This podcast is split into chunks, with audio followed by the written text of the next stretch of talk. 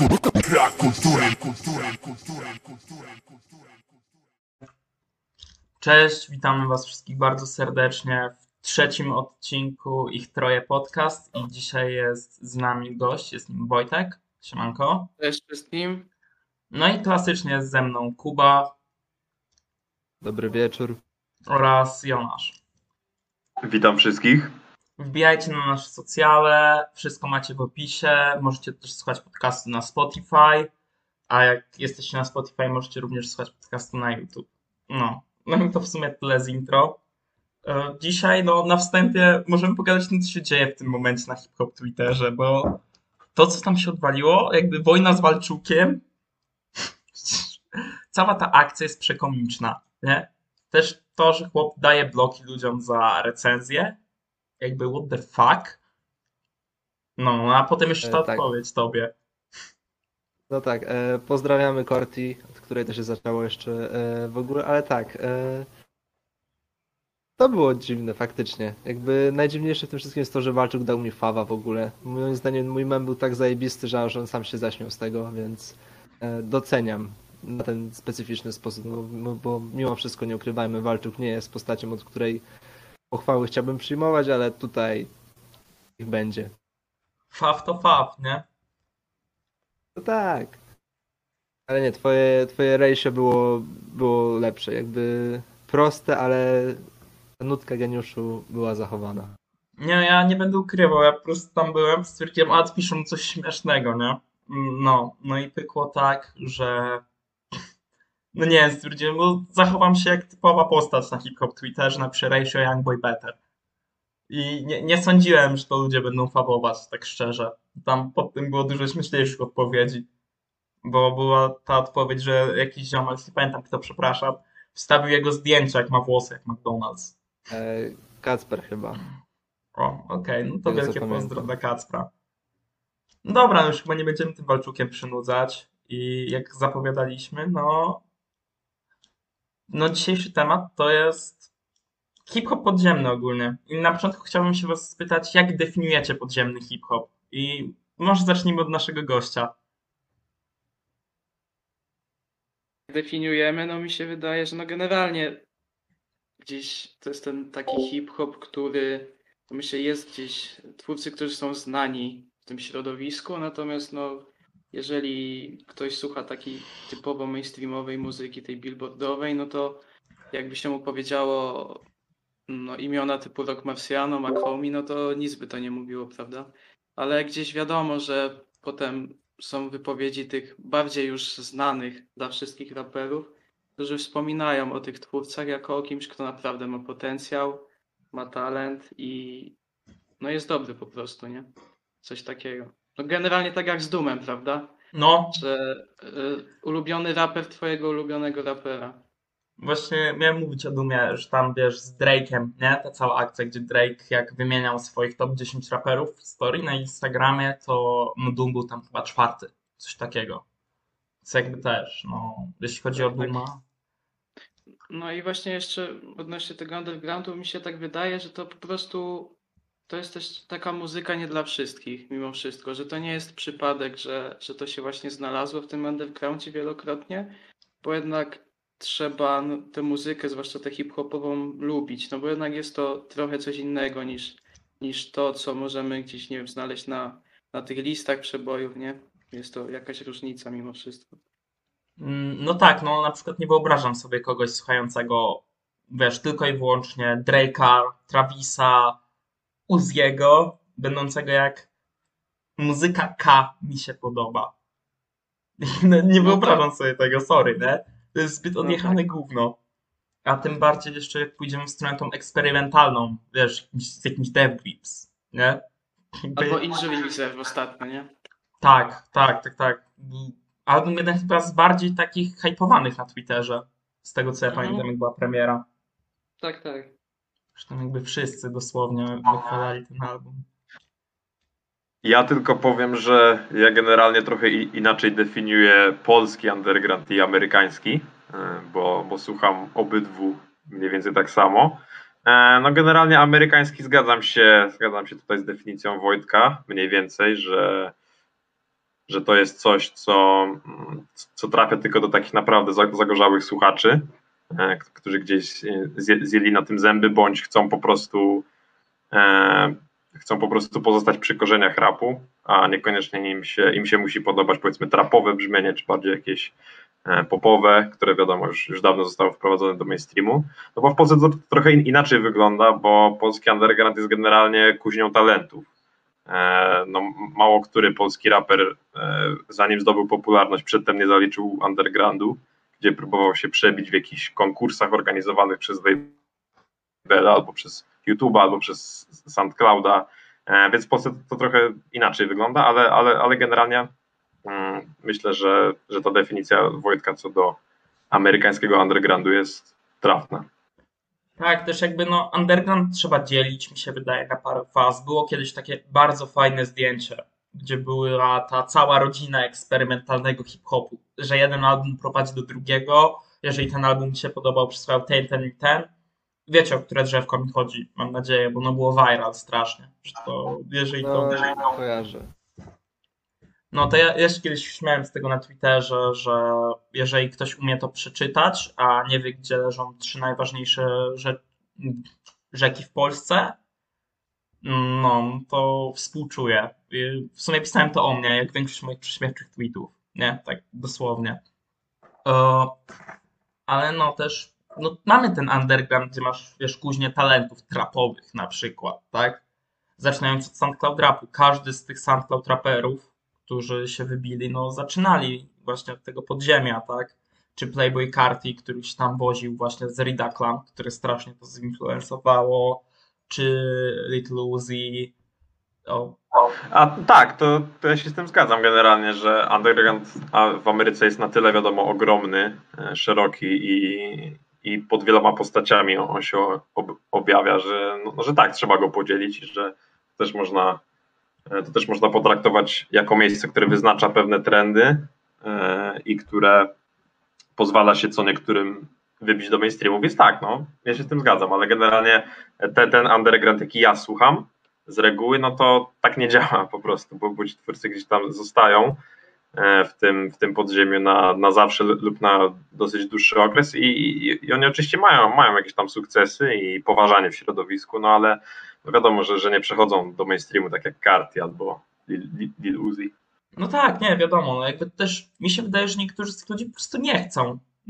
Szczerze, z, na przykład ze skillami Rocka Marciano, z tym jaki ten chłop ma ucho do bitów, ja sobie wyobrażam tego typa, że on by mógł pójść w mainstream, żeby mieć, nie wiem, Mm, Myślę, że musiałby zmienić parę rzeczy w swojej stylówce, e, ale no właśnie, tu, tu jest pies pogrzebany. Czy, czy, czy on chce to robić? No, dokładnie. No, myślę, że, no, że flow, flow Rocka Marciana to jest coś, co no, mi się osobiście bardzo podoba, ale nie, nie jest też dla każdego generalnie, bo, bo jest takie dosyć monotonne, e, mroczne, powiedzmy, bardzo, no, totalnie nie pasuje do mainstreamu rapowego, Tak, jak to, jeśli- więc y, Też, myślę, że gdyby chciał je zmienić, to, no to na pewno w jakiejś tam mm, w jakiejś tam funkcji by się sprawdził w mainstreamie, no ale kolejna kwestia jest, czy, czy on chce to zrobić, bo, bo mi się wydaje tak z tego co, no, no słuchałem większość jego projektów, może nie wszystkie, bo ich jest dosyć sporo, ale większość i no i myślę, że po prostu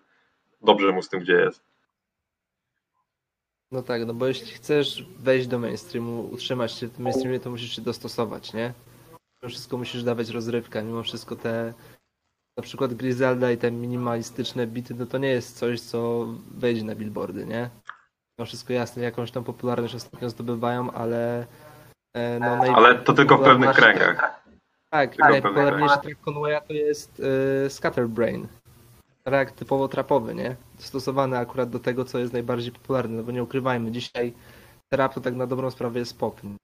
Ale też są ludzie, którzy na przykład mają wszystko, żeby wejść do mainstreamu, ale po prostu coś nie gra, nie? Jakby na przykład Creed moim zdaniem ma masę utworów, które idealnie by trafiły do radia, ale no, było wiele czynników, przez które tak się nie stało. Jakby Def Jam, kiedy go podpisał na te dwa albumy, bo potem Creed y, opuścił wytwórnię, trochę spieprzył promocję i tak dalej. To w sumie na tym można zakończyć, nie? Jest naprawdę masa osób, które mogłyby tam wejść albo utrzymać się na dłużej, ale e, no też trzeba trafić z brzmieniem, nie? Trzeba wbić się w ten trend albo samemu go ustalić, ale to już jest e, to już jest wyzwanie. No i dlatego też bardzo szanuję Randy Jules, no bo to wiadomo, już, już mówiliśmy o, o nich nieraz, ale to, to jest duet, który dopiero tam gdzieś po, po 40 się przebił do mainstreamu. W zasadzie nie zmieniając aż tak bardzo swojego brzmienia, bo, bo jak słucham czasami nie, niektórych starszych traków Killer Mike'a, e, no to, to to jest to brzmienie jest bardzo podobne e, do, do Randy Jules i to jakby się nic nie zmieniło i im to się udało, nie? Przebić do mainstreamu, mieć e, grać koncerty w największych halach, że Marvel bierze, bierze ich piosenki do, do swoich filmów, że ich płyty się mają świetne wyniki sprzedażowe, no ale tak, no generalnie to czasami czasami pomimo najlepszych chęci i, i, i dobrego brzmienia to się, to się nie udaje.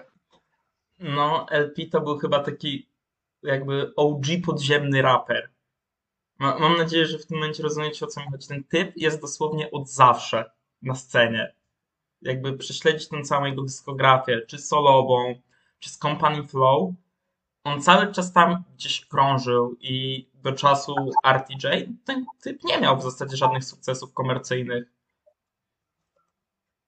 No aż tak to nie, no, no to prawda, no ale też nie oszukujemy się, że te solowe płyty LP są, są dosyć trudne e, w brzmieniu i, no i generalnie nie ma się co dziwić, że, że nie osiągnęły jakichś gigantycznych wyników sprzedażowych, więc no ale tak jak mówiłem, znalazł, znalazł swoją niszę z Killer Mike'iem, e, jakieś brzmienie, które było naprawdę świeże, które dalej jest świeże, które oni dalej gdzieś tam do, dopracowują, do, dopieszczają, więc, więc fajnie, że mu się w końcu udało.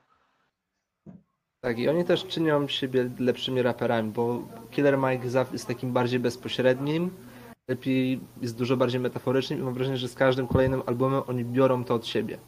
Znaczy Mike dodaje więcej metafor, LP dodaje trochę więcej takich bezpośrednich linijek i oni się stają też albumu na album lepszymi raperami moim zdaniem. I to też jest e, ciekawa sytuacja, gdzie faktycznie raperzy już po tej 40 zbliża, zbliżający się do 50 po prostu jeszcze progresują, co kiedyś wydawało się niemożliwe. Jakby prześledzimy kariery takich raperów jak e, Ice-T, Ice Cube, to się wydaje, że to jest taki konsekwentny regres. Tymczasem e, Mike i L cały czas progresują i pytanie, kiedy osiągną swój pik muzyczny. Mam wrażenie, że tego jeszcze nie doświadczyliśmy. Serio? Nie, mi się wydaje, że oni pik już, jakby, że dalej lecą na fali swojego piku, ale że ich pik, zarówno jako raperów i jako LP, jako producenta, to jest RTJ 2. Ten album jest... Dla mnie... Znaczy tak, znaczy jakby rozumiem tą, yy, to rozumowanie, tak to, ale dla mnie jest jeszcze malutkie pole do poprawy, nie? Tak żeby ten album takie faktycznie wrażenie albumu bym powiedział takiego trochę e, z, brakuje mi takiego albumu e, no teraz brakuje mi tego słowa e, koncepcyjnego, o że tak wiesz, że wszystkie traki idealnie się łączą jeszcze czegoś takiego, mam wrażenie, że czasami jest taki jeden, dwa utwory, które tak tematycznie po prostu mi trochę odbiegają od nich, mhm. ale uważam, że mogą jeszcze się polepszyć od RTJ2 i przede wszystkim dla mnie RTJ4 dla mnie czwóreczka jest najlepszym ich albumem. Ja zgadzam się, że dwójka jest najlepsza, o czym wiadomo wszyscy wiemy, ale no trójka i czwórka to wcale nie był jakiś spadek formy i to, to dalej jest bardzo, bardzo dobry, bardzo jakościowy rap i też się zgodzę, że na pewno jest pole do poprawy i, i to też słychać, że niektóre bity na, na czwórce, pomimo podobnej formuły, wciąż były takie bardzo nowatorskie. Więc jeżeli oni, oni dalej będą gdzieś odkrywać jakieś nowe przestrzenie dla swojego stylu, no to, to myślę, że ten pik dalej, dalej może się poszerzać. Tak, no tak jeszcze z takich raperów, co już nie wiem, czy ich można nazwać mainstreamem, podziemiem. Denzel Curry. Ja legitnie mam, wiesz, bo ja dalej mam w głowie Karego z y, Ridy, tak, tego dzieciaka 16-17-letniego tworzącego dziwną muzykę z Lila Gilmainem. Tak? I dalej, no wiesz, to jakąś obraca w tym podziemnym kręgu Florydy, promując cały czas nowych artystów. Gdyby, dosłownie, gdyby nie Denzel, nie mielibyśmy XXX Tentaciona, o, Skimaska de Slamp Goda, w tym momencie IDK, e, Rico Nasty też trochę, według mnie. Lil Peep nawet może być pod coś takiego podpisywany, tam Denzel grał bardzo dużą rolę w jego sukcesie i typ, mimo Tak. tego, że ma te 7 milionów na Spotify chyba miesięcznie słuchaczy, on dalej, no, nie umiałbym nazwać Denzela mainstreamowym raperem. Nie wiem, co o tym sądzicie, panowie. No Kerry, Kerry to jest trochę specyficzny przypadek, bo moim zdaniem on się częściowo wybił dzięki memom. Pamiętamy To a, tak, tak. a, Ultimate. E, ale tak, ja się z tym zgodzę, bo, bo nawet po, po tym, kiedy się, się przebił do szerszej świadomości, kiedy miał kilka takich tracków, które poszły viralem po całym świecie, to on dalej nagrywał takie bardzo, bardzo takie wydumane w dobrym tego słowa znaczeniu kon- koncept albumy, na przykład właśnie e, te, te, te płyty z, z, z Kenem Beatsem chociażby, Mhm. e, albo ta płyta z czarną białą E, Tabu, tabu, no, Totalnie zapomniałem tytułu, no właśnie tabu. E, więc no to są płyty, które tak nie mają, nie mają takiego mainstream appeal, nie? E, które, się, które wciąż są bardzo mocno, myślę, zakorzenione, zakorzenione w podziemiu i w takim bardziej eksperymentalnym brzmieniu i, i to jest spoko, myślę, że, że, że Kerry właśnie trafił, trafił na, na taką specyficzną sytuację, gdzie jest znany, i, i, y, ale jest znany właśnie z tego, z tego specyficznego brzmienia, które może dalej ek- eksplorować co jakiś czas i, i to nie powinno zanotować jakichś spadków. Więc ja, ja się z tym zgodzę, nie? że on dalej jest mimo wszystko, mimo całej popularności i tych wiadomo liczbach, które notuje, że on dalej jest bardziej podziemie niż, niż mainstream. Ja jestem Nie, teraz...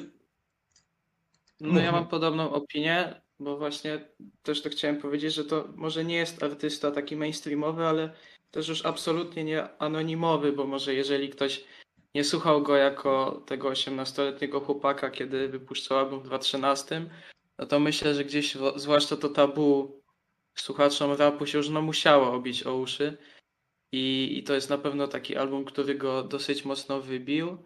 Ja myślę, że podobny przypadek, oczywiście styl zupełnie inny, ale wydaje mi się, że trochę wspólnego z Joey Badassem mają, bo to jest też coś podobnego. Joey wydał w bardzo młodym wieku pierwszy album i jakby to jest znany twórca, ale to też nie jest taki twórca, że jak ktoś, że jak coś wydaje, to jest jakieś takie, nie wiem, wow w tym środowisku, nie?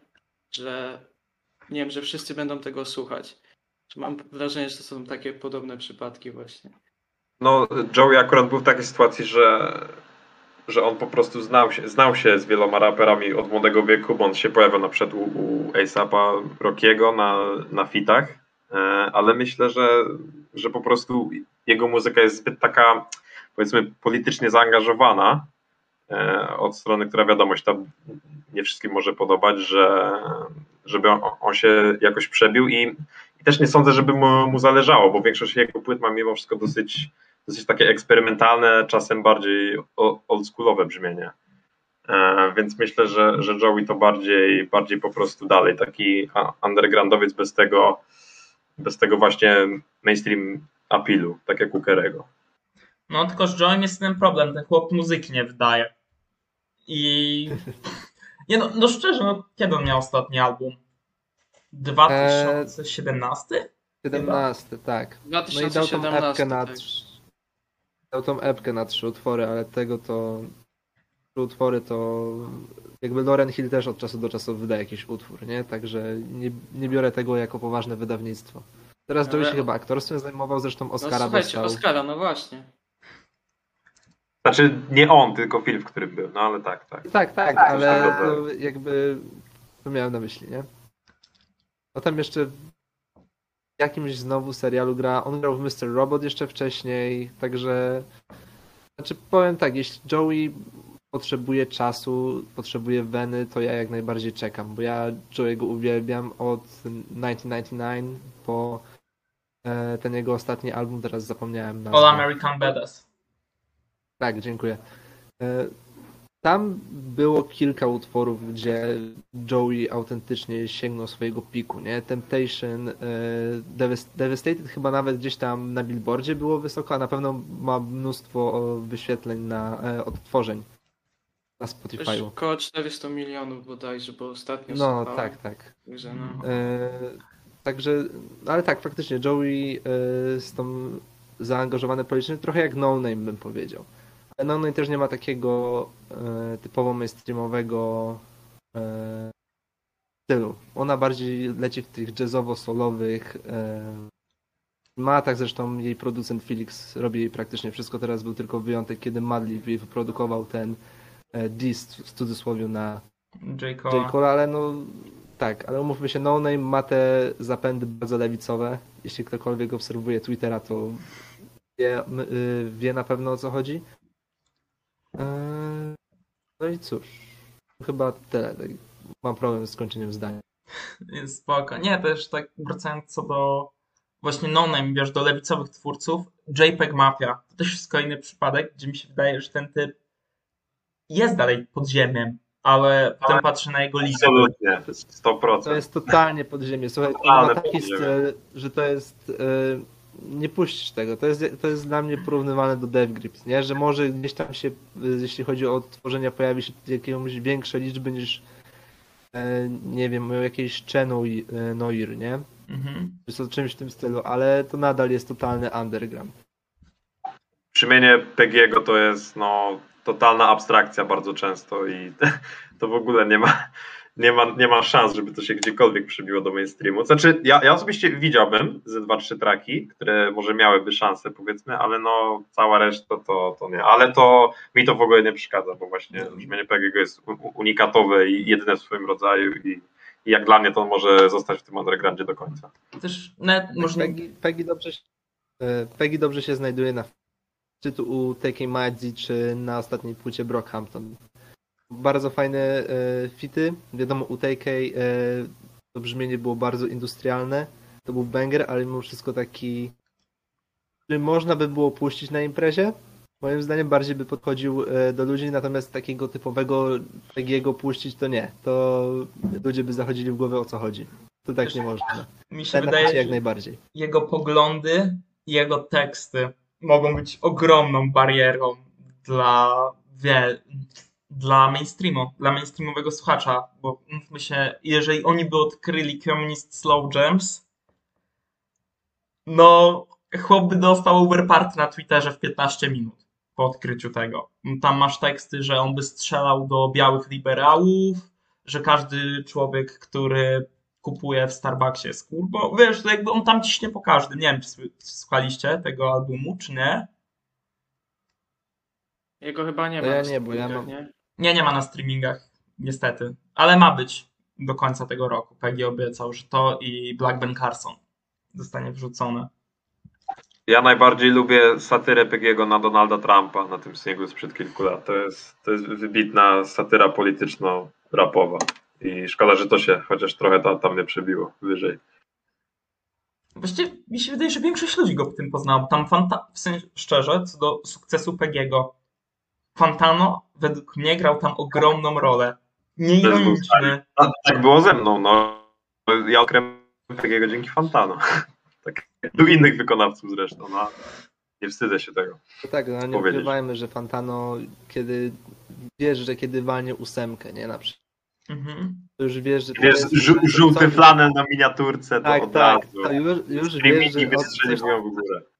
Tak, to wiesz, coś tutaj chodzi, zresztą Fantano bardzo siedzi w rapie, nie, i wiem, że można mu zarzucać kilka żanr, nie specjalizuje się, ale o rapie absolutnie nie można tego powiedzieć. Czy to tam e, Billy Woods chociażby bardzo często rzuca recenzje, z tego co pamiętam. Mhm, Tak. Dany Brown też jest. To wiem. Tak, I nawet Danny- wystąpił chyba w jednym. Tak, ale Danny Brown e, mimo wszystko czasami się, wydaje mi, pojawia w takich bardziej popularnych albumach. Na pewno u ASAPa na One Train. E, wydaje mi się, że to jest bar- dużo bardziej e, publiczna postać. Przynajmniej mam wrażenie, że dużo częściej widzę Danego gdziekolwiek. Znaczy teraz tak, ale ja mówię o tym, co było kil, kilka lat temu, nie? Po, Aha, no, po X premierach przykład. właśnie e, Atrocity Exhibition A, przede po- wszystkim, po- ale tak, też, tak, ale też Triple X, tam pamiętam miało, miało dobrą recenzję, więc, więc o tym bardziej mówię, nie? No, nie no, Okej, jasne. wiadomo, 2021 rok to dany już dawno jest tam, jeśli nie w mainstreamie brzmieniowym, to na pewno w mainstreamie właśnie takim, że zna, że zna powiedzmy całą czołówkę gry i, i czasami się u nich pojawia na fitach, tak jak był u Brockhampton na przykład, a- był u Rockiego i mówiąc czołówka Brockhampton, to mam na myśli ich popularność, a nie jakość bro, broń Boże. E, No ale no ja mówię po prostu o tym, co było kilka lat temu, nie? Już widzę, jak niektórzy ludzie będą mogli ten klip z kontekstu teraz wycinać. Całkowicie. Że jak ty kiedykolwiek cokolwiek złego powiesz o Brockhampton, to ci będzie wyciągane. Ten 10 sekundowy Już urywek. Wiele moich, wiele moich rzeczy zostało wyciągniętych z kontekstu, no wszyscy. To, to wiadomo, no, więc no trudno. Takie, takie prawo internetu. No ale też. Tylko czy też Brockhampton to jest top sceny mainstreamowej, bo wiesz, jak ja myślę top sceny mainstreamowej, ja widzę Drake'a, ja widzę Travisa, ja widzę Kanye, ja widzę kogokolwiek, kto jest w stanie opchnąć 300 koła w pierwszym tygodniu. Może tak, to jest dla mnie już ten top of the top mainstreamu, nie? Nie mówię, że to jest sam mainstream, bo oczywiście, że nie, ale no właśnie tacy artyści jak Drake, Kanye, J. Cole, tak? Chociaż Nie, no tak, no, no to, to choćby, cho- chociażby widać potem, kiedy jest ogłaszana jakaś premiera albo wypuszczany singiel, nie? Przecież ostatni album J. Cole'a był przeciętny do bólu, ale to takie, takie liczby robiło w momencie ogłoszenia tego wszystkiego, że to naprawdę, no podziwiam to, no, no bo jednak tak, tak opakować no, przeciętną płytę, to, to też sztuka. No tak, nie? Ale dobra, zmieńmy temat może J. Cole'a, bo za daleko odlecimy. Kto jest według was goatem undergroundu? Jakby najlepszy raper w historii podziemia, period. Bo ja tu E, widzę mimo- jed, jedną poprawną E, odpowiedź. Wiesz co, Mimo ja- wszystko, mimo wszystko MF Doom, ale mam o, honorable mention dla Ace Rocka. No, ja się zgodzę, tylko dam LP'ego jako e, moją, mój drugi wybór. Ale tak, no Doom tutaj jest bezkonkurencyjny, no umówmy się. Nic nie jest No ja tak samo oczywiście, Doom, Ace of Rock. A z tych współczesnych, no to West Side Gun myślę. Za to, co robi. Ga? No, wiesz, no za to jak Griselda się rozwinęła w kilka lat i, i za to jaka się marka z tego zrobiła, no bo jednak on jest główną postacią, która tym wszystkim kieruje, nie? Gdzieś takie mam odczucia. No i ja jako wielki fan ich muzyki. Nie wiesz co, jakby teraz myślę nad Ganem i jakbym miał robić, wiesz, top 5 podziemia of all time, mógłbym go tam wsadzić, bardziej za influence czasami nawet niż za muzykę, mimo tego, że jego dyskografia jest crazy, nie? Rzadko kiedy się zdarza, że ktoś ma w jednej dyskografii albumy na poziomie Fly God, Griselda Ghost, Pray for Paris, e, Supreme, ba- Supreme, Supreme. Clientele. A, okej, no. Jakby mało kto może w ogóle tknąć dyskografię Gana, tylko no nie wiem, czy bym go dał tutaj, wiesz, jako obecnie pierwszego modern, bo dla mnie w tym momencie Goat Podziemia, e, jeżeli, no to JPEG, JPEG Mafia, właśnie K i Rock Marciano. I Ogólnie, właśnie tu, no właśnie tu jest problem też, nie? O którym już mówiliśmy, że underground też trzeba dzielić, no bo jednak wiadomo, K to jest wybitny artysta, ale to jest też już bardzo specyficzna muzyka, tak ta poezja i już jest trochę coś innego niż Gun, nie? Jak już mhm. pójdziemy w stronę JPEG Mafii, to już schodzimy na zupełnie inną trasę, nie? Ostatnio gdzieś tak w undergroundzie też Pink Sifu, nie? Mhm. robi się coraz bardziej popularniejszy, no to już też jest zupełnie co innego, więc tak ciężko trochę to dzielić. Ja tak bardziej idę stroną tego, co mi najbardziej przypada do gustu. Jasne. Ja, jak teraz myślę jeszcze z takich ludzi, których można by było dać do tego top 5. Załóżmy, że skupiamy się na tym tylko, wiesz, jakby Rock Marciano Wave Undergroundu, tak? Te, No to tak, tak, tak. no, to w tym momencie Errol Sweatshirt też no to jakby tak, oczywiście. pen game tego typa jest nie do ruszenia. Nie wiem, czy kiedykolwiek, wiesz, all time był chłop, który używał lepiej e, tych wszystkich porównań, metafor. I też w przeciwieństwie do tego, co mówią niektórzy ludzie na Twitterze, Aaron umie rapować. Jakby Oczywiście.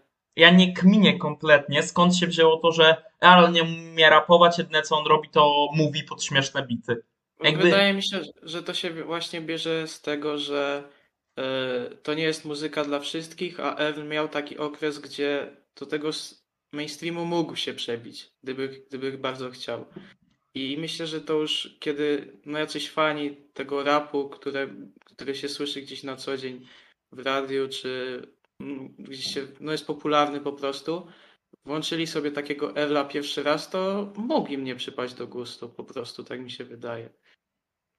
No tak, no bo Earl zaczynał, znaczy ta jego popularność zaczynała się u Taylora i Franka tak na dobrą No, od Future. Gdzie, Nie? nie, tak, nie ukrywajmy jakby Frank i, Tyler, Frank i Tyler, a Earl to są dwa kompletnie różne światy, jeśli chodzi o muzykę.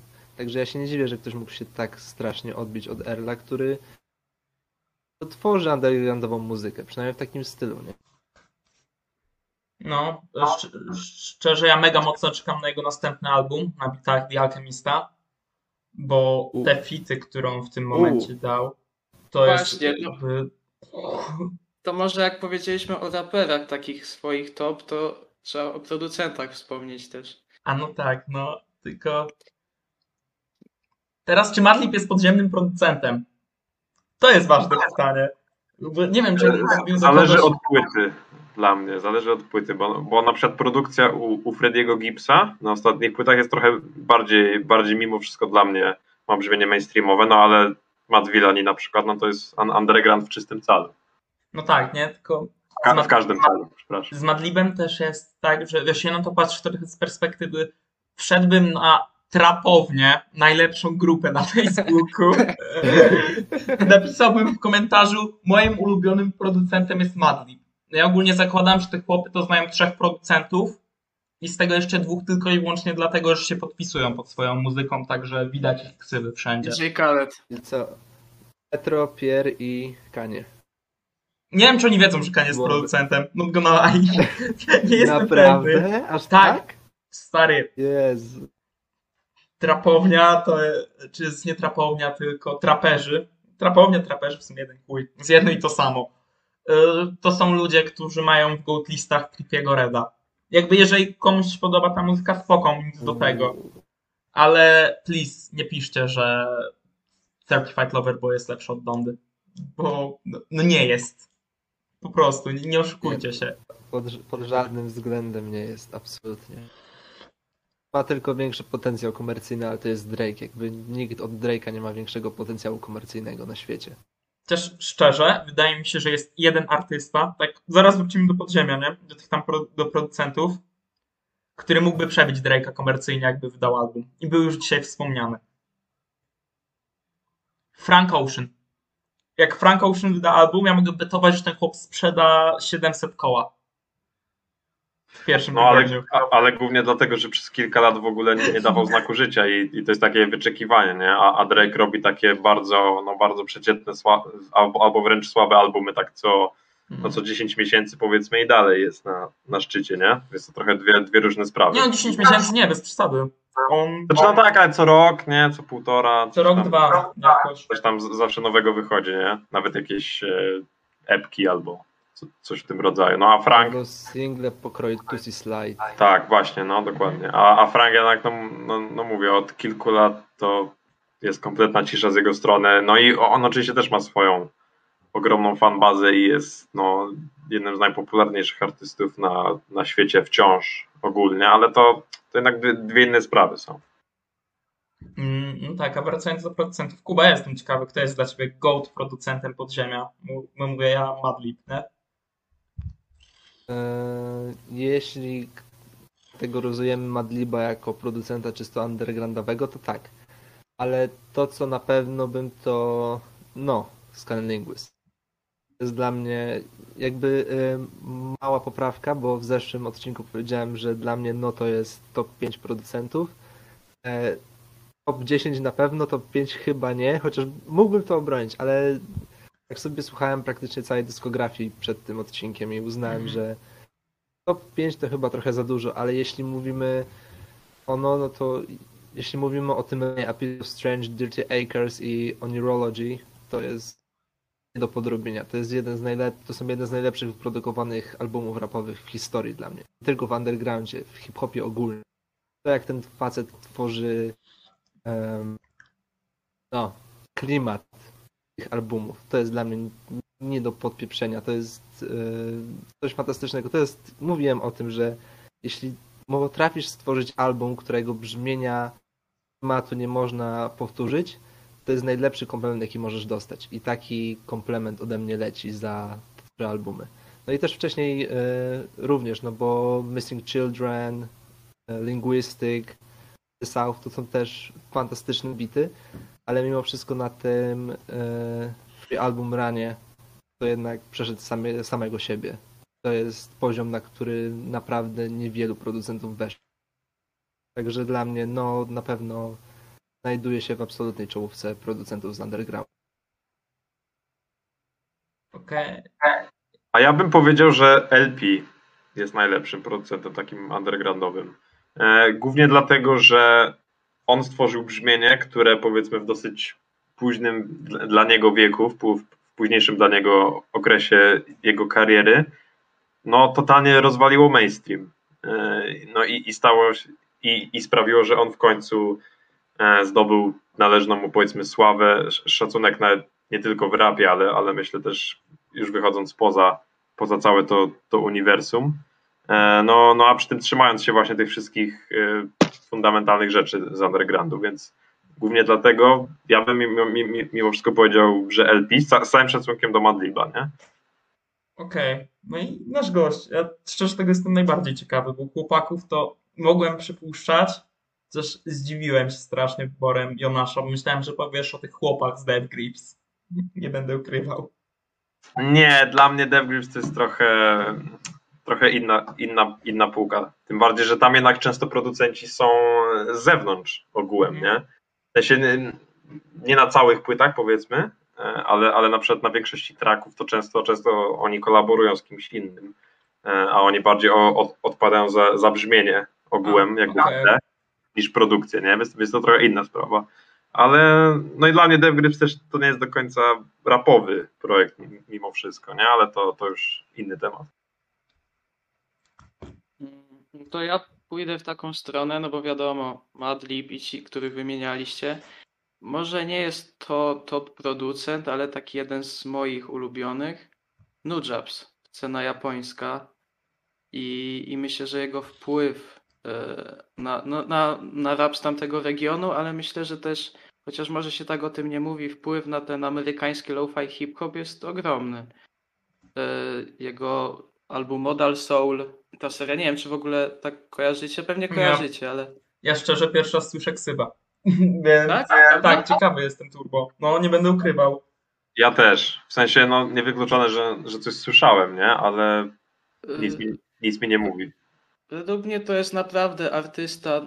Ja bym go stawiał w jednej linii z J. Dillą. Myślę, że to jest podobny wpływ na ten, y, na ten hip-hop undergroundowy.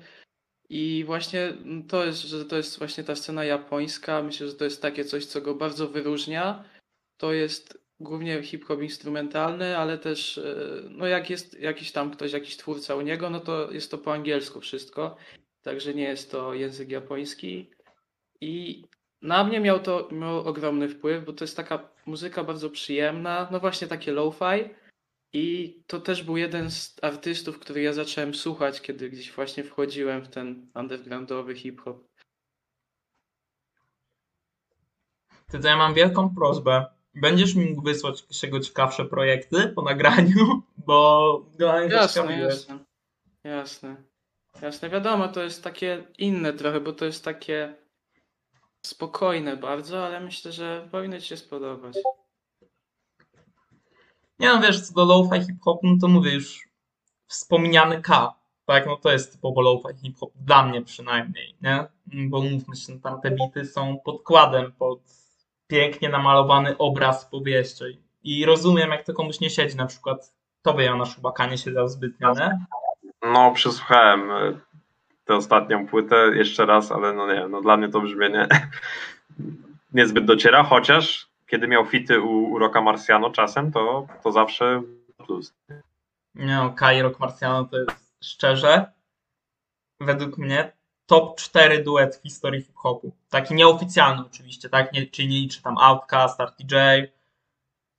No, ale no, chłopy są niesamowite, ich synergia i też to, że jeden umie latać na bitach drugiego, bo to też jest ważne, bo tak a propos undergroundu w Stanach, też można bardzo zauważyć często to, że raperzy są producentami swoich albumów. Nie, nie wiem, czy też to zauważyliście, ale no K, który produkuje własne albumy w większości, Rock, który lubi produkować swoją muzykę, JPEG Mafia, który dosłownie ma tylko jeden track, który wyprodukował ktoś inny niż on. Jeżeli wiecie, który, to podziwiam, ale to jest chyba raczej taka mainstreamowa wiedza, nie?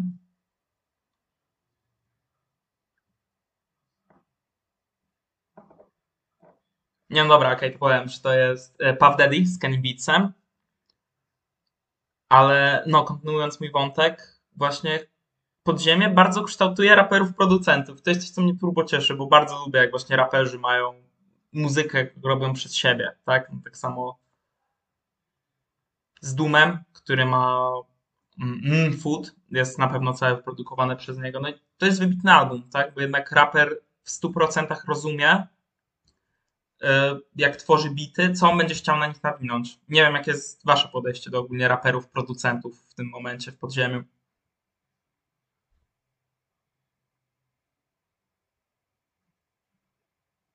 E, Creed przed przejściem do Def Jamu produkował wszystkie swoje mixtape z tego co pamiętam. Tylko na King Remember It Time e, Knife Wonder mu zrobił. To debutny, genialny. e, Także e, też jest taka sytuacja, żeby Chen Noir, ja to zawsze mówiłem Noir, ale sprawdziłem sobie przed odcinkiem i jest Noir, gdzie miała w zeszłym Serio? roku wydała tak, znaczy ona z tą epkę ostatnio wyprodukowała sama. Tą, Ja, ja e, zawsze myślałem, że Noir. Tak. No i ja to sprawdziłem sobie i miałem takiego mindfuck. Noir to powinno być, ale tak, ona na przykład e, tą swoją ostatnią epkę wyprodukowała. Wiadomo, album z Apollo Brownem, gdzie dosyć dużego. E, znaczy, fejmu to za dużo powiedziane, ale na pewno trochę jej liczby podciągnął ten track z Blackfotem. Gdzie pamiętam, Blackfoot miał taki dzień, gdzie wydał jednocześnie singiel e, Fot vs. Everybody i potem jeszcze był na e, tracku Cze, także e, no tak. Tyle. Znowu E, co- zgubiłem swoją przewodnią myśl, którą chciałem E, utrzymać tutaj. To, to Okie chyba pytał o mm, co sądzimy o raperach producentach. No ja to, A, to zawsze tak. lubię, lubię sobie robić taki podział na raperów i na artystów. Bo jednak mimo wszystko uważam, że, że są dwie takie grupy i właśnie dużo, wielu tych takich mainstreamowych twórców bym nie nazwał tak stricte artystami, bo to już jest, wśród niektórych jest taka otoczka, że wiecie, no e, produkcja, ktoś się zajmuje produkcją, ktoś się zajmuje tekstem, ktoś się zajmuje, nie wiem, e, teledyskami, a ty masz tylko po prostu wyjść na scenę i nie spieprzyć. A, a właśnie artyści tacy jak e, no Navy Blue chociażby, który teraz gdzieś tak w undergroundzie też zyskuje na, na popularności, no, no myślę, że to tylko rosną w oczach, jeżeli oni po prostu potrafią wszystko zrobić za siebie. Czy Kater wspominany, który robi wszystko, no teksty, produkcja, yy, teledyski, chociaż tego nie ma jakoś dużo, ale coś tam się pojawia. A jeszcze co do K i, i jego stylu, wiadomo, że jak ju, już rozmawiamy o, o specyficznym gatunku, a, a teraz to jest jeszcze bardzo specyficzny twórca, który się zawiera w tym gatunku. Ja generalnie tych wszystkich, którzy słuchają i nie znają albo nigdy nie słuchali, zachęcam bardzo. Ale myślę, że najlepszy album, żeby zacząć po prostu od K, to jest y, Honor Kill the Samurai, bo myślę, że to, jest, to gdzieś tak kształtuje obraz tego, jak ta muzyka wygląda. No i to jest zdecydowanie jego najlepsze dzieło po prostu. No, to jest arcydzieło. Jakby na moim topsterze to miałem jakoś turbo wysoko i nie będę ukrywał. Tego albumu najlepiej posłuchajcie w nocy. Nie ma lepszego albumu do słuchania w nocy, naprawdę. To, jaką całą atmosferę, otoczkę buduje cała ta muzyka, właśnie jak jest ciemno, że dosłownie widzisz obrazy. No ja, ja ogólnie K bardzo lubię do malarza porównywać, że typ tak naprawdę opowiada historie, które no nie są aż tak bardzo złożone, nie? ale całe opakowanie ich w emocje, w najróżniejsze opisy, na przykład jak, jakiegoś samochodu, który on opisuje, tak, który tam przejeżdżał, no to, to jest arcydzieło. I nie ma Właśnie- innego rapera na scenie, który mógłby zrobić coś takiego. Właśnie mam, mam to samo i też o tym myślałem w kontekście, kiedy Dave wydawał album w tym roku. Wydawało mi się, że on będzie bardziej doceniony. No jest na pewno, myśl- myślałem, że bardziej. I też mam coś takiego, że właśnie słuchając tego Dave'a czy słuchając K, to właśnie masz takie wrażenie, że po prostu muzyka jest tą częścią sztuki i że gdzieś jesteś w takiej galerii i po prostu tak jakbyś to oglądał, nie? Mhm. I gdzieś jest ten taki obraz w tej muzyce. No, ale ogólnie jakby to jest takie uczucie, którego, bo według mnie album, najbardziej nie lubię słabych albumów, może, czy jest nie słabych, tylko przeciętnych albumów, nie? Bo muzyka ma we mnie wywołać emocje, tak trochę jak z filmem, nie? Wiecie, że są chujowe filmy pokroju The Room, które i tak oglądasz, bo są tak chujowe, że są śmieszne, nie? I drugi, no, że wywołuje to emocje, tak? Że muzyka ma wywołać emocje, tak samo jak te filmy.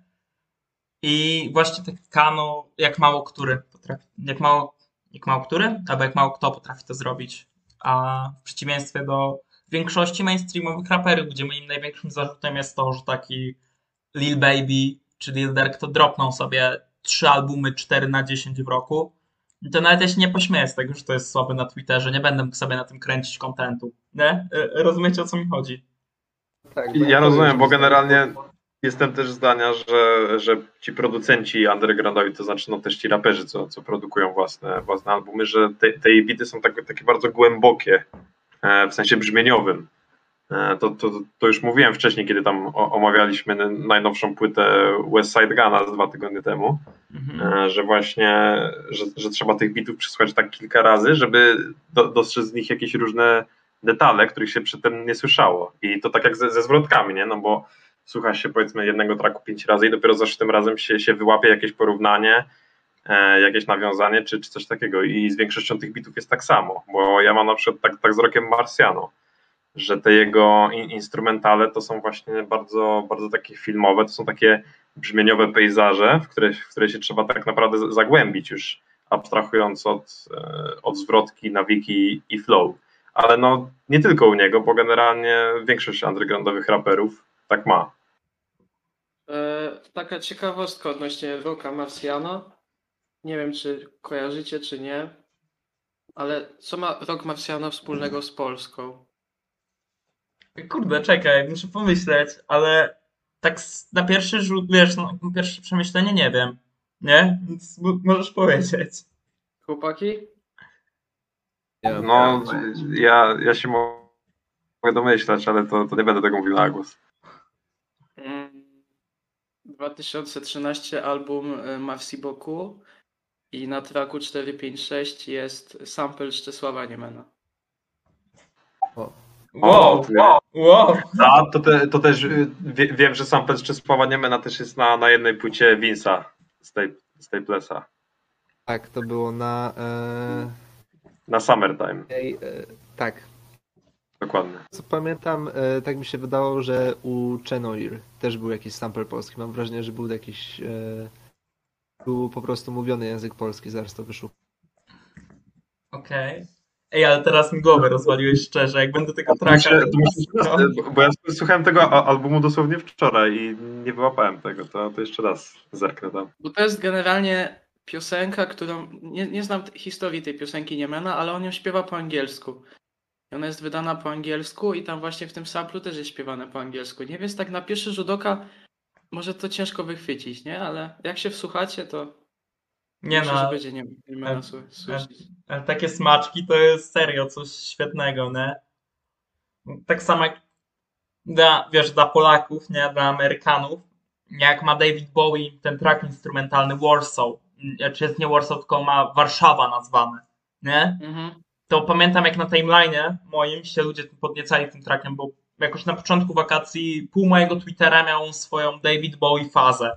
Tak dosłownie. Że tam, Albo by, No mów, mów. że tam e, By Dobson pisał o tym. No wiesz, te większe hip-hop, Twitter konta, nie? Ze Stanów. Tak, Jak- tak, no to z, Jackiem Harlowem też tak było, bo on też ma track. Mhm. I Nie. też pamiętam, że, że tak to wybiło go u nas. I, ale też tłumaczenie ludziom już ze Stanów, że ej, ta piosenka Bowiego jest o mieście, o stolicy mojego kraju. I wiesz, wszyscy jak Jezus, to miasto musi być śliczne, bla, bla, bla, bla, nie? Też patrząc na to, No, że to no. było, wiesz, w latach 70. tworzone. Nie, nie, to, to, to masz tak ładnie nie było, nie?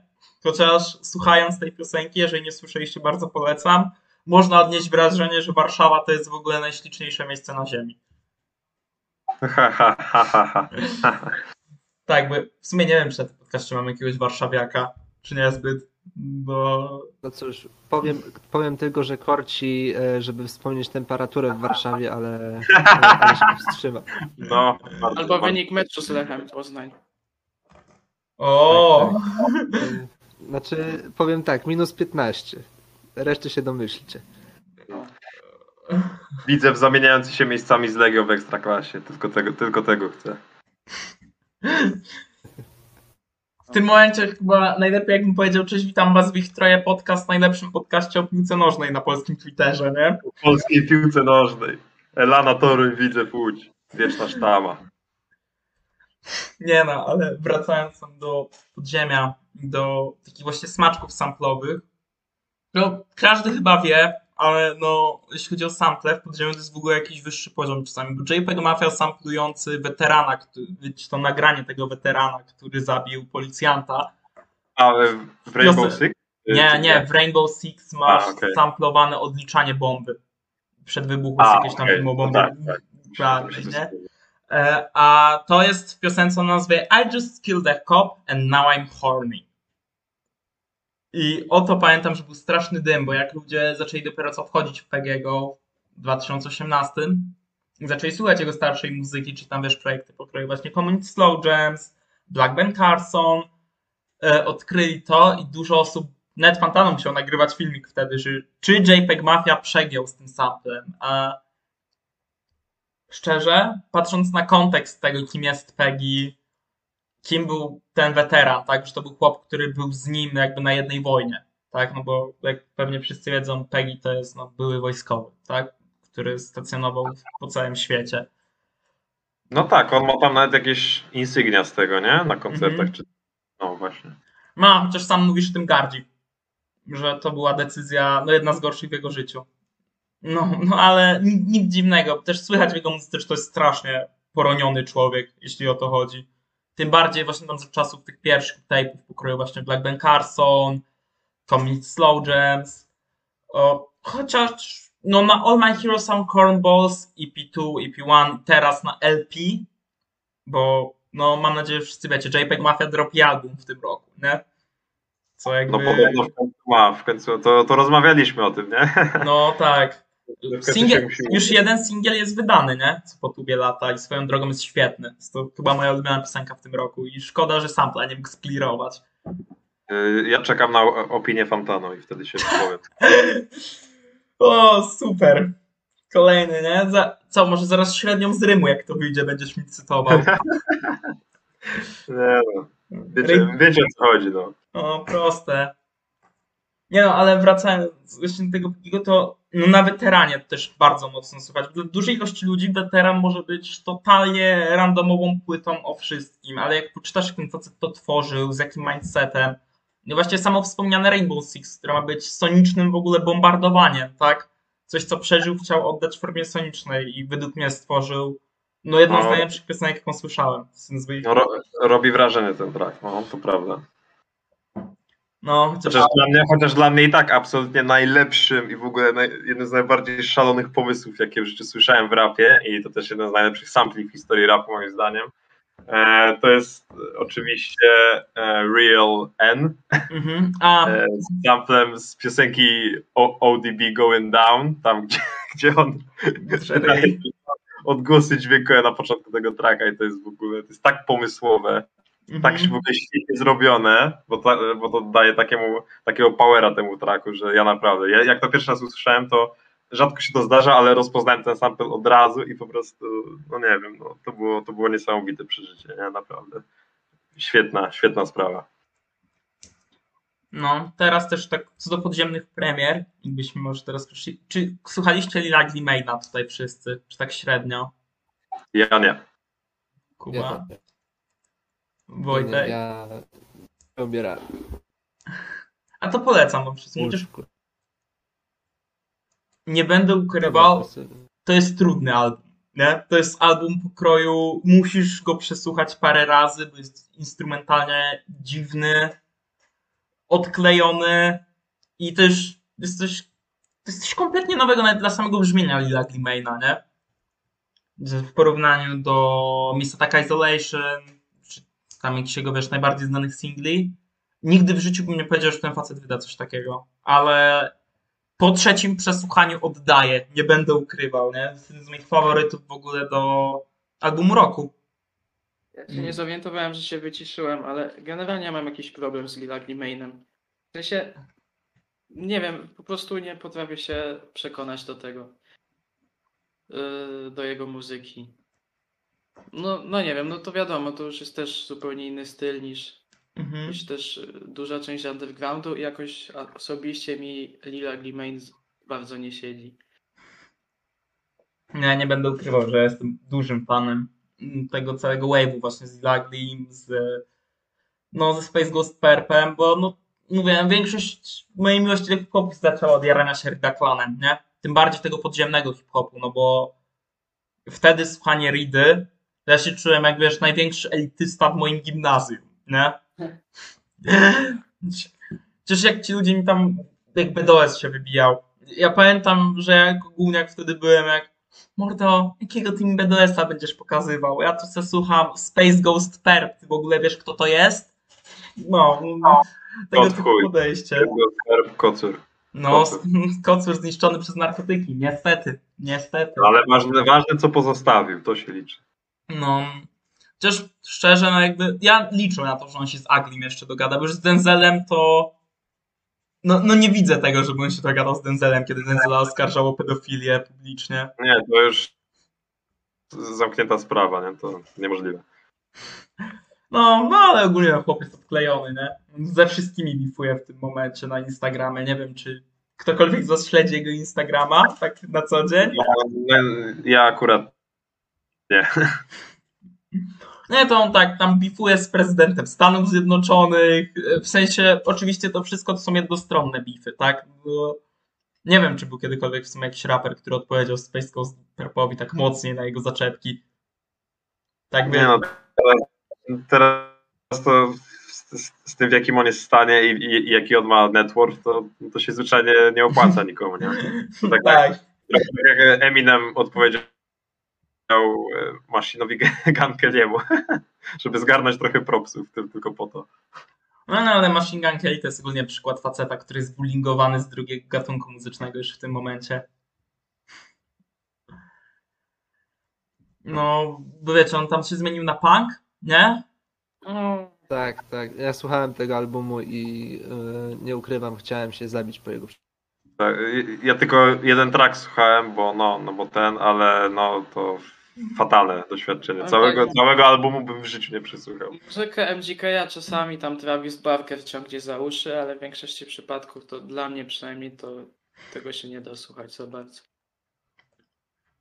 No, nie, jakby ja mam bardzo podobne odczucia, chociaż jakby śmieszy mnie jego postać, bo jeżeli on w tym momencie ze Slipknotem bifuje, to jest tak absurdalne, że chłop, co został wywalony przez Eminema z rap gry, zmienił gatunek muzyczny i podbija do kolejnej osoby, która ma no, status legendy w tym gatunku, bo jako, że dzisiaj Eminem ma urodziny, jak już mówiłem, ja jestem miły bardzo i chłop jest legendą hip-hopowego wiecie, no hip-hopu, tak? Nie będę, nie będę już w tym momencie rzucał jakimiś tam hot-take'ami. Kiedyś był, ale pieprzył sobie opinię i już nie jest. To było, a nie jest. Nie pisze się w rej. No, ale jeszcze bo wracając do tych premier, no to ty czekasz, bo wiem i ja czekam, no od raz Rom Street z Iwanzą. Mhm. Myślę, że będzie Oj, tak. Oj, tak. Nie wiem, czy wy chłopaki czekacie, czy nie? E, Na Rome Streetsa? Mhm. No, Niekoniecznie, tak powiem. W sensie przysłucham na pewno, kiedy wyjdzie, ale jakoś mi to nie. No, Ja chyba go nigdy nawet nie słuchałem. on jest na fitach u Griseldy teraz, Mordzia. To musiałeś. On jest teraz, on już jest członkiem Griseldy. No. Tak, on jest w labelu ogólnie, no. A, to czekaj, to coś mi się na tym, na Twitterze, na timeline było. No to Była pewnie ja o promocja tym. albumu. A nie słuchaliście czasem, e, kurczę. Ósemki album Side B? Nie, czekaj, czekaj, ósemkę Side B słuchaliście i Side A. No Kurde, bo zaraz wyjdzie, że nie słuchaliście tych albumów, nie? Nie no, słuchamy oczywiście. Ale, ale nie, z Roastwicem i wy, wy, Death and the Magician. Oj, Słuchaliście? no ja tak. To jest super album. No, to jest jedno z moich największych zaskoczeń muzycznych tego roku, bo jeszcze, Tak, i chłopy... DJ Max na produkcji bardzo dobrze też. Mhm. Myślę, że też gościu ma dobry rok. Też nie wiem, czy słuchaliście Kartageny Crime Apple. No ja, też bardzo fajne. ja wszystkiego od niego w, tym roku sam mówiąc się. Bardzo szybko wsiadłem na hype train jakby tegoroczny, bo już tam słyszałem w komentarzach na moim Twitterze od ludzi, którzy szybciej go znali, że tam chłop już w ogóle od lat siedzi na scenie, nie? Też dla mnie to był Mm. jakiś ruki roku, ruki roku, nie? Rozumiesz, takie miałem podejście. Ale to bo... mówisz o Rome Streetie teraz. Tak, tak, tak. No, no, no. No bo jednak usłyszałem o nim dopiero co w tym roku, jak mi cały timeline zachwycał się tym, co ten chłop robi. No ja też nie oszukuję się, że to jakoś też niedawno u mnie ten Street. Nie kojarzyłem wcześniej. To jest, Ale- z nim jest, No to mi Tymon dopiero o nim mówił, jak się widzieliśmy, nie? To było No. jakoś we wrześniu. Wcale No nie tak. tak dawno. ale ci mówiłem, że go do Griseldy podpisali wtedy. Tak, no to prawda, bo wtedy, wtedy, wtedy jakoś ten news wyleciał. No, nie, ale też tak jakby z nim mam, jestem trochę spóźniony na partii, tak jak teraz większość, mi się wydaje, hip-hop community z Machami. Bo... W końcu zaczynamy ten temat. No to go! Hamill Goat, najlepszy raper na scenie obecnie, liryczna bestia, Damn God. rap god, szacunek od wszystkich oryginalnych MC, nie, ale tak już nie, przestając z mojego fanboyowania, chłop ma album roku dla mnie. I to jakby, sorry, ja przepraszam tutaj, wiem, że Kuba ma inną opinię, Jonasz pewnie też, a dla mnie E, mam, ale szanuję tę opinię. To jest bardzo dobry album. Ej, ma w swojej dyskografii HBO, ma GAT. Jakby wiem, że większość ludzi słuchających tego albumu pewnie nie słyszała GATu. Nigdy. I To mnie boli. E, Czy wiecie, że jak wyszło Pray for Haiti, to dla ludzi to był jedyny album w dyskografii Macha. Nie? Ja, czu, ja czuję, że Gat się prędzej czy później pojawi na streamingach, zwłaszcza, że już od przynajmniej kilku miesięcy Westside zapowiadał i ostatnio też w wywiadzie zapowiadał, że będzie Gat dwójka, czy, czy HBO dwójka już teraz. E, HBO. HBO dwójka Aha, będzie. HBO dwójka. Mhm. Aha. No to trochę zepsułem, bo HBO już się pojawiło na, na streamingach. No, no i, i bardzo dobrze, bo w końcu ludzie mogą bardzo dostać to arcydzieło. No HBO, jeśli chodzi o Maka, to mój ulubiony. U mnie też. Jakby nie będę ukrywał, jak wszyscy, co widzieli mój top ster wiedzą, że to jest tam dla mnie top 30 hip-hopu w ogóle, no. No mówię, jeden z moich ulubionych albumów w historii, No mnie tak? pewnie też byłby bardzo wysoko. HBO, no i for Haiti, potem myślę God na trzecim miejscu. No, no, ja mam tak samo. nie będę ukrywał, nie? To jest jakby, tak jestem fanem Mahami. Wybierz teraz te trzy albumy, rzuć je w losowej kolejności, to jest typowe top 3 osoby na Mahami Reddit. jakby, e, puściłem na, jakiejś imprezie e, z kumplami Poli Ady z for Haiti O. i w ogóle nie wiedzieli, co się dzieje, nie? To, bo No. to jest tak specyficzne, nie? Ale tak, też jego jakby, też jego teksty, nie? To o czym on nawija, o... Właśnie to jest coś, co u mnie go bardzo kupuje. Wiesz, jego jakby przywiązanie do Haiti. Tak? Połączenie z tą kulturą, że mogę się dużo więcej o tej kulturze dowiedzieć dzięki niemu praktycznie.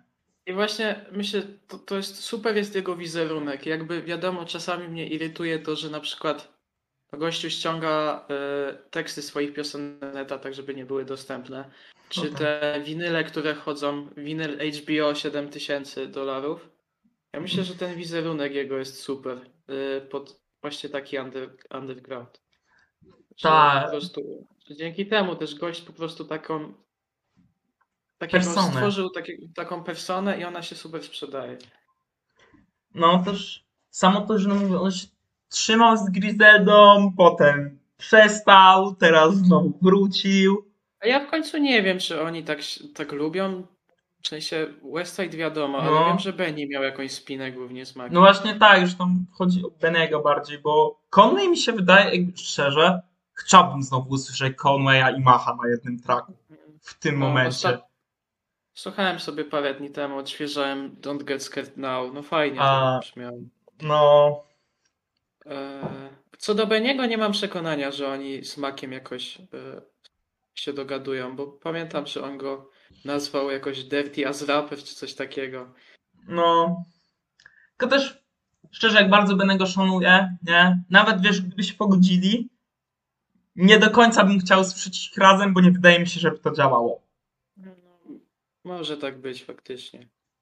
To jednak jest inny styl. Mach już jest tak odklejoną postacią, jakby wiesz, wizerunkowo od nich wszystkich, nie? Że serio jest mi to trudno połączyć. Tak jak Gana, ja jakby jak najbardziej ich widzę razem. Mam nadzieję, że kolejny projekt Macha to będzie, wiesz, produced by Westside Gun. Znowu, nie? Tak, Wiesz, tak. Żebyś tam pojawiał, rzucał te swoje adliby. Znaczy ja w ogóle to mam po prostu tak, żeby był Gun, ale żeby był Alchemist też, żeby był Nicolas Craven, żeby po prostu Mhm. wszyscy ci, którzy rozwalają w tym roku się tam pojawili. I tak podsumować rok tym albumem, bo, bo oni tak Konduktor mówią, Williams też. Właśnie konduktor. Może kto tam? Boldy James? Chociaż też O! nie wiem, czy Boldy James. był. Chociaż, nie no, Boldy by tam fajnie brzmiał. Chociaż Rock Marciano z y, tym, z Machem. No, To jest coś, co... Al, albo Właśnie właśnie, dla mnie, dla mnie Mac bardzo wiele rzeczy wziął od Rocka Marciano. Nie wiem, czy wy też to słyszycie. jak i- wszyscy w podziemiu. Tym. Tak, ale właśnie to jest, to jest dla mnie naj, największy, jeden z największych dowodów wpływu tego influencu Rocka na podziemiu, nie? Bo jak, No. jak słyszę, oni mają bardzo podobne del- delivery, bardzo podobne flow, no i, i takie właśnie ucho do bardzo takich głębokich, pejzażowych bitów, nie? Więc no dla też, mnie to jest, jest smaka i ta jego persona właśnie, to co, to co mówiliście, stworzona, e, to jest, to jest jeden z największych dowodów tego, co, co rok zbudował i co nawet teraz, nie? Nawet pod koniec 2021 roku dalej jest. Widoczne. dalej jest w pełnej krasie i to dalej działa, dalej pracuje, dalej się rozwija, więc to jest naprawdę świetna rzecz. Ogólnie influence Rocka Marciano jest przeogromny. Ja teraz wierzę, że intro do Certified Lover Boy, Champagne Poetry, brzmi tak, bo to jest influence Rocka Marciano. Bo jakby... Tak, nie, to jest. Drake wie, kim jest Rock Marciano. Oczywiście, że Drake wie, kim jest. No. Drake, czego było o nim Drake- gadać, to jest hip-hop Drake- straszny. Tak, Drake tak. Ja myślę, Action Bronson to jest też straszny hip-hop head, ale to nie jest takie nazwisko. No, Drake na pewno. e, jakby też nawet przecież była ta plota, że Drake ma mieć e, Benego na swoim albumie, nie? No I było, ale ja nie wiem, czy to leak. ktoś fejka nie rzucił po prostu. Ja, w sensie, wiesz, to leak jest. Aha, jest leak. Jest leak, jest leak. Okej. I brzmi lepiej niż większość Certified Lover Boy, że tam Benny No. serio mocno leci. No, też tam ci tak, nie, jest to właśnie. jakieś wielkie, nie jest to jakieś wielkie osiągnięcie spełnione. Dobra. Dla mnie nie, to, to był okro, okropny album dla mnie ten Drake'a, ale wracając do Beniego u Drake'a, właśnie Mhm. mi się wydaje, że jeżeli ktoś miałby się wybić z Griseldy do mainstreamu, to najbliżej uważam, że byłoby Beniemu, bo on dobrze y, siedzi na tych takich bitach, wiecie, typu y, 5 to 50 na tym Mhm. Dark Zaimet. Że on siedzi na tych, że on takie bangery jest w stanie tworzyć po prostu. No, Myślę, five, że to go wyróżnia, nie? 5 to 50, jeden z moich ulubionych tracków Griseldy ogólnie. Nie będę No, ukrywał. Po prostu ten beat to jest takie złoto. No. Chociaż, Oczywiście Alchemist na produkcji. chociaż nie będę ukrywał, też go bardzo lubię na takich ala soulowych bitach. 97 Hope, O tak, ten instrumental, o tak, ten track, o tak. Po prostu e, I, sieczka. I Joe Pesci Sieczka. też. Joe Pesci zajebiste. No. Nie no, ale tak, to jest prawda, że Benny, bo Benny jest też najprostszy mi się wydaje do kolaboracji z, z tej Big Free Griseldy. Bo Tak, tak. Gana nie sprzedasz mainstream. W sensie możesz go sprzedać mainstreamowemu odbiorcy w bardzo specyficzny i dobry sposób, tak jak to zrobił Kanye, tak jak to ma zrobić Właśnie. Travis Scott w tym momencie, ale nie jest to. Benny, który nie będzie musiał się hamować, tylko sobie po prostu nawinie i wszyscy się będą tym jarać w mainstreamie, nie? jak to pójdzie gdzieś tam dalej. Ja byłem mega podjarany, jak się dowiedziałem, że właśnie ma być Griselda u, u Kanye i byłem bardzo ciekawy, jak to wyjdzie. No i uważam, że zajebiście wyszło. No tak, nie? Westside jak wszedł. Potem Conway, też super zwrotka, nie? Krótka, ale bardzo fajna. No, też fajnie, że Conway znowu porusza ten temat postrzału. To jest, co ja Tak. uwielbiam w muzyce Conwaya, wracanie do tego, jakby pokazywanie, jak on z tym walczył. Ja się powtarzam, ja wiem, że tutaj już Jonasz, Kuba, słyszeli moje gadanie takie chyba cztery razy, nie? Ja, ja się zgodzę, bo akurat na takim Grace y, to jest jedna z moich ulubionych zwrotek Conwaya, kiedy on Mhm. opowiada tę całą historię od depresji po to, jak y, jest tu, gdzie jest. Także nie, ja tutaj nie mam absolutnie nic przeciwko temu. Ja uwielbiam takie historie i y, no przypominał mi to też trochę Through the Wire Kaniego. No, Wiesz, wiesz No o co jest, chodzi. jest coś w tym, jest coś w tym. jest coś, w tym- w sensie to jest takie dość dzikie porównanie, bo jak wiesz, spojrzysz Kanye West, Conway the Machine, tak? Tak, tak, ale wiesz, Ale chodzi o tak, tą to- całą rekons- y, rekonstrukcję twarzy, znaczy rekonstrukcję tak w cudzysłowie, wiadomo, bo to nie jest do końca to samo, ale chodzi o to, żeby wyjść z takiego y, dość ciężkiego stanu, wrócić, y, No. pokonać te wszystkie przeciwności losu. To też wiąże się z praktycznie każdym artystą, nie? Na przykład Creed, skoro tak już mówimy o undergroundzie, to kiedy Creed wypuszczał Creed Was Here, to miał być to jego ostatni mixtape, bo nie mógł się w ogóle przebić i uznał, że dobra, spróbuję jeszcze raz i jak nie wyjdzie, to rzucam to. No. Wyszło. Nie e, pani został pamiętają tę ciekawostkę z Twittera. Tak, tak. E, No i co, no wyszło, nie? E, Tutaj e, na Double XL się pojawi tutaj fity u Rootsów i Canon Linguist, Mhm. także no, jakby nie mam nic przeciwko takim historiom. To jest bardzo motywujące. Mm, też wers na Conwaya istnieje. Jeden z moich ulubionych feature'ów w historii. To był, to był prawdziwy początek tej, tej historii. To Tak, tamto no. to kontynuacja. No nie, Conway na kał. No nie będę ukrywał, że się łezka wokół kręci, jak tego człowiek słucha, nie? Bo ty, No, konkretnie, no, tak zacząć album, to naprawdę to jest. no też to, że Ganek się. pozwolił na to temu typowi, że on przez dwie i pół minuty będzie po prostu leciał swoją historię w intrze albumu, nie? Jest jakby no, no łeb rozjebany, jak tego słuchałem pierwszy raz. Bo w tym momencie, jak to usłyszałem, to był jeden z moich pierwszych traków Griseldy ogólnie. Byłem jak, okej, nie wiem jeszcze kim jest ten koleś, bo Griseldę poznałem przez Gana, jak pewnie większość osób, No tak. ale chcę się dowiedzieć kto to, nie? Ro- Rozumiecie o co mi chodzi? Takie ogromne wrażenie to na mnie wywarło. Też co do właśnie takich fitów i też jak już o Dondzie mówiliśmy, jest jeszcze jeden podziemny raport, którego bym bardzo chciał poruszyć tutaj. Typ, który jest w podziemiu tylko dlatego, że nie wydaje albumów. J Electronica. No, J Electronica to już powoli. W sensie.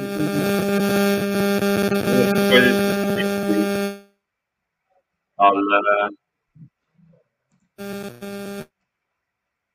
Halo, Kuba? Wszystko ok? A właśnie, no, bo tak przerwałem, bo No, wiesz, jakieś, no tak. jakieś To, dźwięki. y, to, to JB'ego przerwało. Czy to ja, czy to u mnie coś E, było? Nie, ja przestałem, bo mi tutaj coś, e, coś od ciebie, jakieś problemy techniczne. No, u ciebie są jakieś problemy z tym w tym momencie. Słyszalne, no. Dobra, to, to nie, to wracając.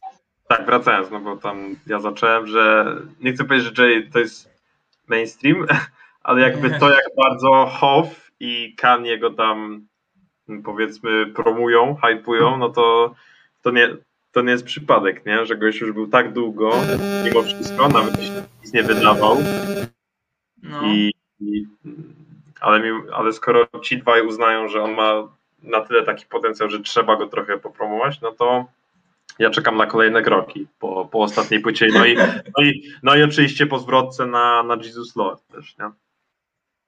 No, w Ja nie wiem, ja ten, ten album jego.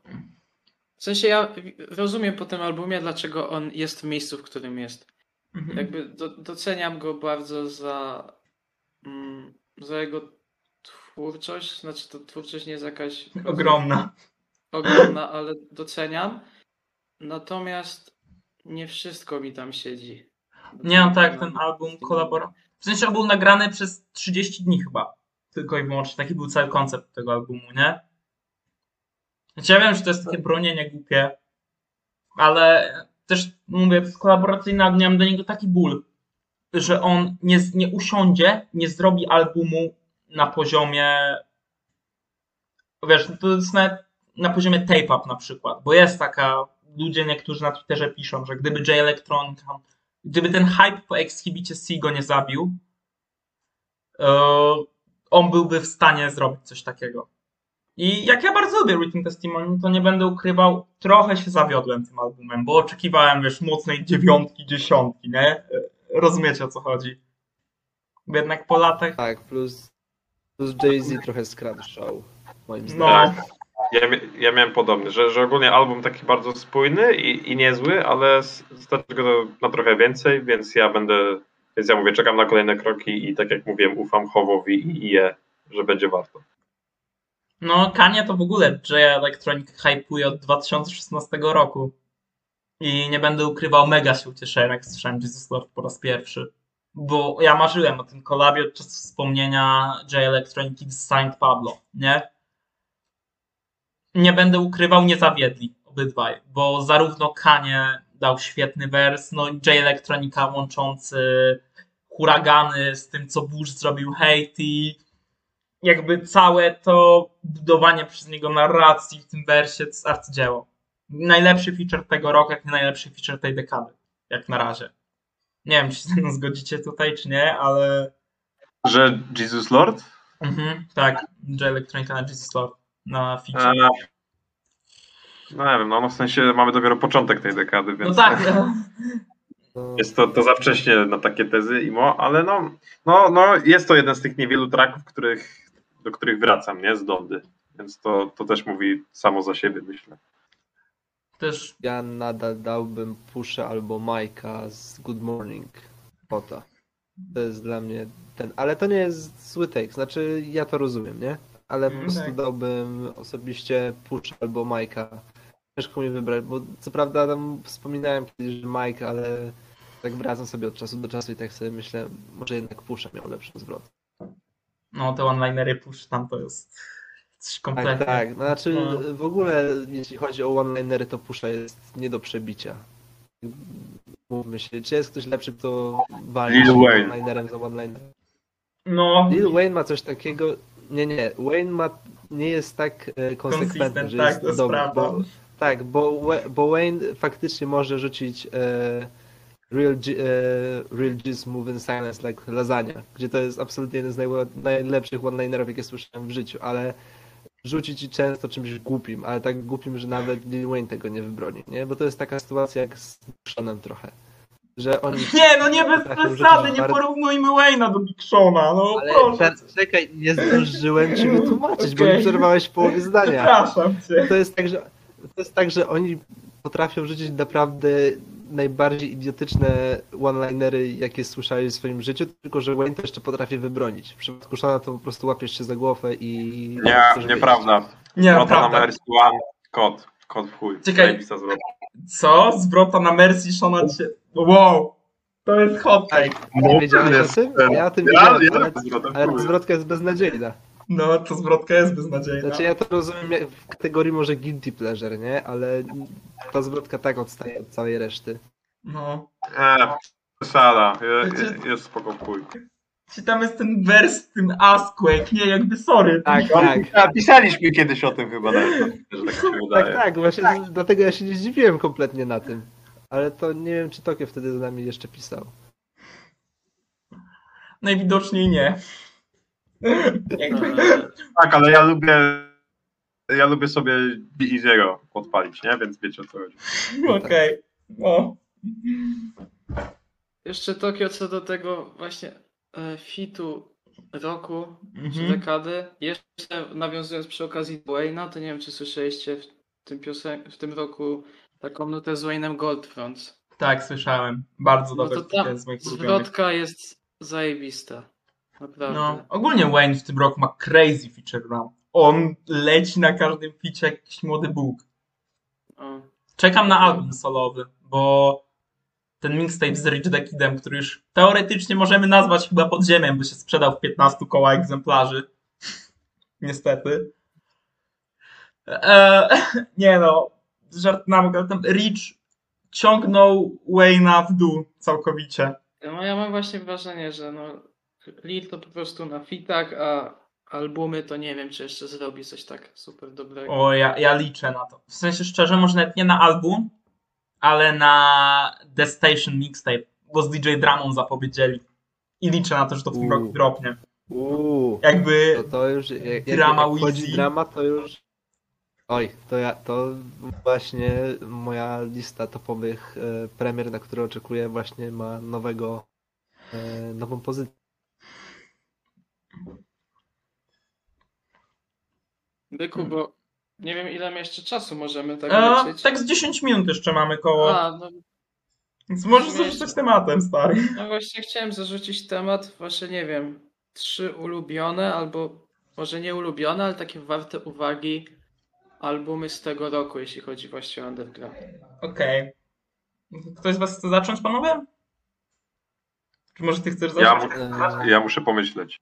Okej, to Wiesz co, może nie z tego roku, bo z tego roku nie wiem, ale przeglądając sobie, znaczy to trochę nawiązuje do tego roku, ale przeglądałem sobie tak timeline i wydaje, że King WoW albo WoW, nie wiem jak to się powinno wymawiać. mhm. E, tak czy owak, walnął e, pewnego rapera, który się nazywa Hype i e, on ma track z Che Noir, nazywa Mhm. się New School i ten track był tak dobry, że postanowiłem sprawdzić jego epkę z 2020, nazywa się From Beginning to End, End to New Beginnings.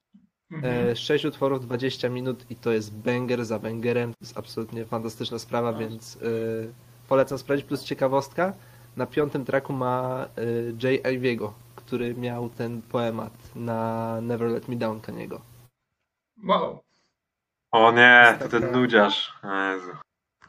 Jezus, nie. Ja... Teraz, Nie, słuchaj, mogłeś nie, nie, dobra, panowie, mamy ostatnim podcast, powiedziałeś, powiedziałeś wiele kontrowersyjnych rzeczy, ale to już była... Nie! Nie, to jest jeden z najlepszych fitów, jaki Kanye miał na swoich albumach. Nie, na pewno. Ja mam ciary na to. To była najlepsza zwrotka na tym temat. Już się zaczyna w tym momencie. No, to może teraz na mnie, te takie trzy albumy. Pray for Hate pominę, bo jak O, ktoś mnie śledzi... Nie, jak ktoś mnie śledzi na Twitterze, to zna ten album. Przynajmniej tak No, mi się tak. wydaje. E, więc tak, Boo Jackson na pewno od Body Jamesa i The Alchemista. Świetny tak. album. E, świetny track z Earnem Sweatshirtem i Rockiem Marciano w ogóle. To jest jeden z kandydatów do tracka roku dla mnie. Da- Fotografik Memories, nie? Mhm, tak, tak, tak, tak. E, Dalej. Z tego roku Injury Reserve e, By the Time I Get to Phoenix na pewno. Chociaż nie wiem, czy to jest underground. Ja naprawdę nie wiem, czy to mogę tak wiesz podcią- podciągnąć pod to, ale jeżeli ktoś nie słyszał, to strasznie polecam. E, Ja, ja nie polecam, ale już też mówiliśmy o tym, więc I taki może najbardziej eksperymentalny hip-hop niż podziemny Smiling with No Teeth Genesis O, super O. album. Bardzo, To, bardzo to chciałem podobał. właśnie też rzucić. No. Nie będę ukrywał, Nie będę ukrywał. od. Kuby polecono ten album, nie? Więc jakby dzięki wielkie, jeden z lepszych albumów tego roku. Tylko też, E. no, eksperyment. Zgodzę się, że to był jeden z lepszych. Taki Soul, ale ten pierwszy track brzmiał jak, jak Death Grips, nie? I tak sobie odpalam to ja tak, wiesz, czytałem, że tutaj Neo Soul i w ogóle ja taki już zadowolony, po czym słyszę ten, e, to intro i takie o nie, co ja się wpakowałem? Okłamali mnie. Y, No, i z No. takich albumów, które wyjdą, a wiem, że będą dobre w tym roku, LT by JPEG Mafia, czekajcie na moim Twitterze, na pewno jak to wyjdzie, to będziecie mieli 300 tweetów o tym, że albo jest świetnie super, albo że się zawiodłem. No, dwie opcje, nie? 300 trochę mało. jak na ciebie. Ja bym powiedział tak, jakbyś do 500 to jeszcze, ale 300? Cię na więcej. Więcej. E, Ja co bym chciał jeszcze polecić, bo już e, tak jak walnąłeś e, Smiling with No Teeth, to ja chciałem polecić epkę z UK, raperki Annie, ona była rozpromowana przez George Smith. Takie proste 20 minut trochę soulowych bitów, na których po prostu babka nawija. Okej. Tyle i aż tyle. To było, to było jedno z fajniejszych odkryć i swoją drogą w ogóle uważam, że Annie może kiedyś wydać klasykę, nie? To jest ten poziom, gdzie e, ja myślę, ja to po prostu czekam na track z Little Sims. Albo z Okej. jakimiś większymi właśnie imionami w scenie brytyjskiej. Także polecam sobie sprawdzić i wejść na hype train zanim Annie Zanim Hype Train ruszy w ogóle, nie? tak, tak. Jakby ja jestem maszynistą, zapraszam. Kolejny artysta A do właśnie, promowania. e, czekaj, e, bo jeszcze te, tak, e, zapomniałem nazwać, e, epka nazywa się Under 25. Okej. E, podać. To jeszcze, to jeszcze ode mnie miały być. W sensie to ja powiem taki jeden dosyć typowy wy- wybór, myślę, e, który na pewno wszyscy, wszyscy tu słyszeli i dwa, które, o których chciałem yy, od, od tej półtorej godziny coś powiedzieć, ale się nie udało, to teraz mam okazję. No to pierwszy to będzie La Machina Conwaya, Okej. bo, bo dla mnie to jest, to jest mocny kandydat do mojego Album of the Year i, i ogółem dla mnie to jest zdecydowanie jedna z najlepszych premier Griseldy w ogóle. E, Jakby świetne fity, kapitalne traki, Conway jest w formie naprawdę znakomitej, zresztą tu, tu już było mówione o Scatterbrain, że może, może po tym albumie zacznie trochę bardziej celować w mainstream, kto wie jak mu to wyjdzie, ale ja, ja osobiście kibicuję. E, To był taki album bardziej mainstreamowy. Taki No trochę tak, ale moment- właśnie to mi to, za, mi to zaimponowało, że, że on się tak świetnie w tym odnalazł, nie? Jak ryba w Tak, wodzie. tak, że, że I że nie stracił, że, że nie stracił żadnego ze swoich y, najlepszych przymiotów. E, drugi album to jest taki, który trochę nagina zasady, bo niestety został wydany tydzień, dosłownie tydzień przed 2021 rokiem. Ale Ale Playboy Carti? E, nie, nie, nie, nie, nie, ale na mnie, nie, nie, właśnie undergroundowy też taki, ale na mnie też zrobił ogromne wrażenie. To jest, to jest album Bi- Billego Woodsa i, i Mavermore. E, naprawdę, naprawdę Czekaj, to jest świetna. Armhammer, tak? E, Czekaj, zaraz ci powiem, bo ja tytuł mi gdzieś wyleciał. do Haram, głowy, Haram, świnie na okładce, tak? O tym mówisz? nie, nie, to chyba e, chodzi o Brass. album ale Raz. Brass właśnie. Tak, z taką No, białą No, okładką. dobra, naprawdę, dobra.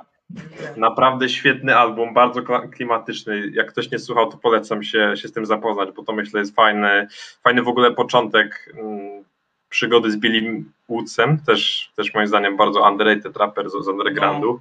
Bardzo, bardzo klimatyczna rzecz, e, tak jak, tak jak tutaj Tymon już mówił o tym, że, e, że są albumy idealne do słuchania w nocy, to jest moim zdaniem jeden z nich.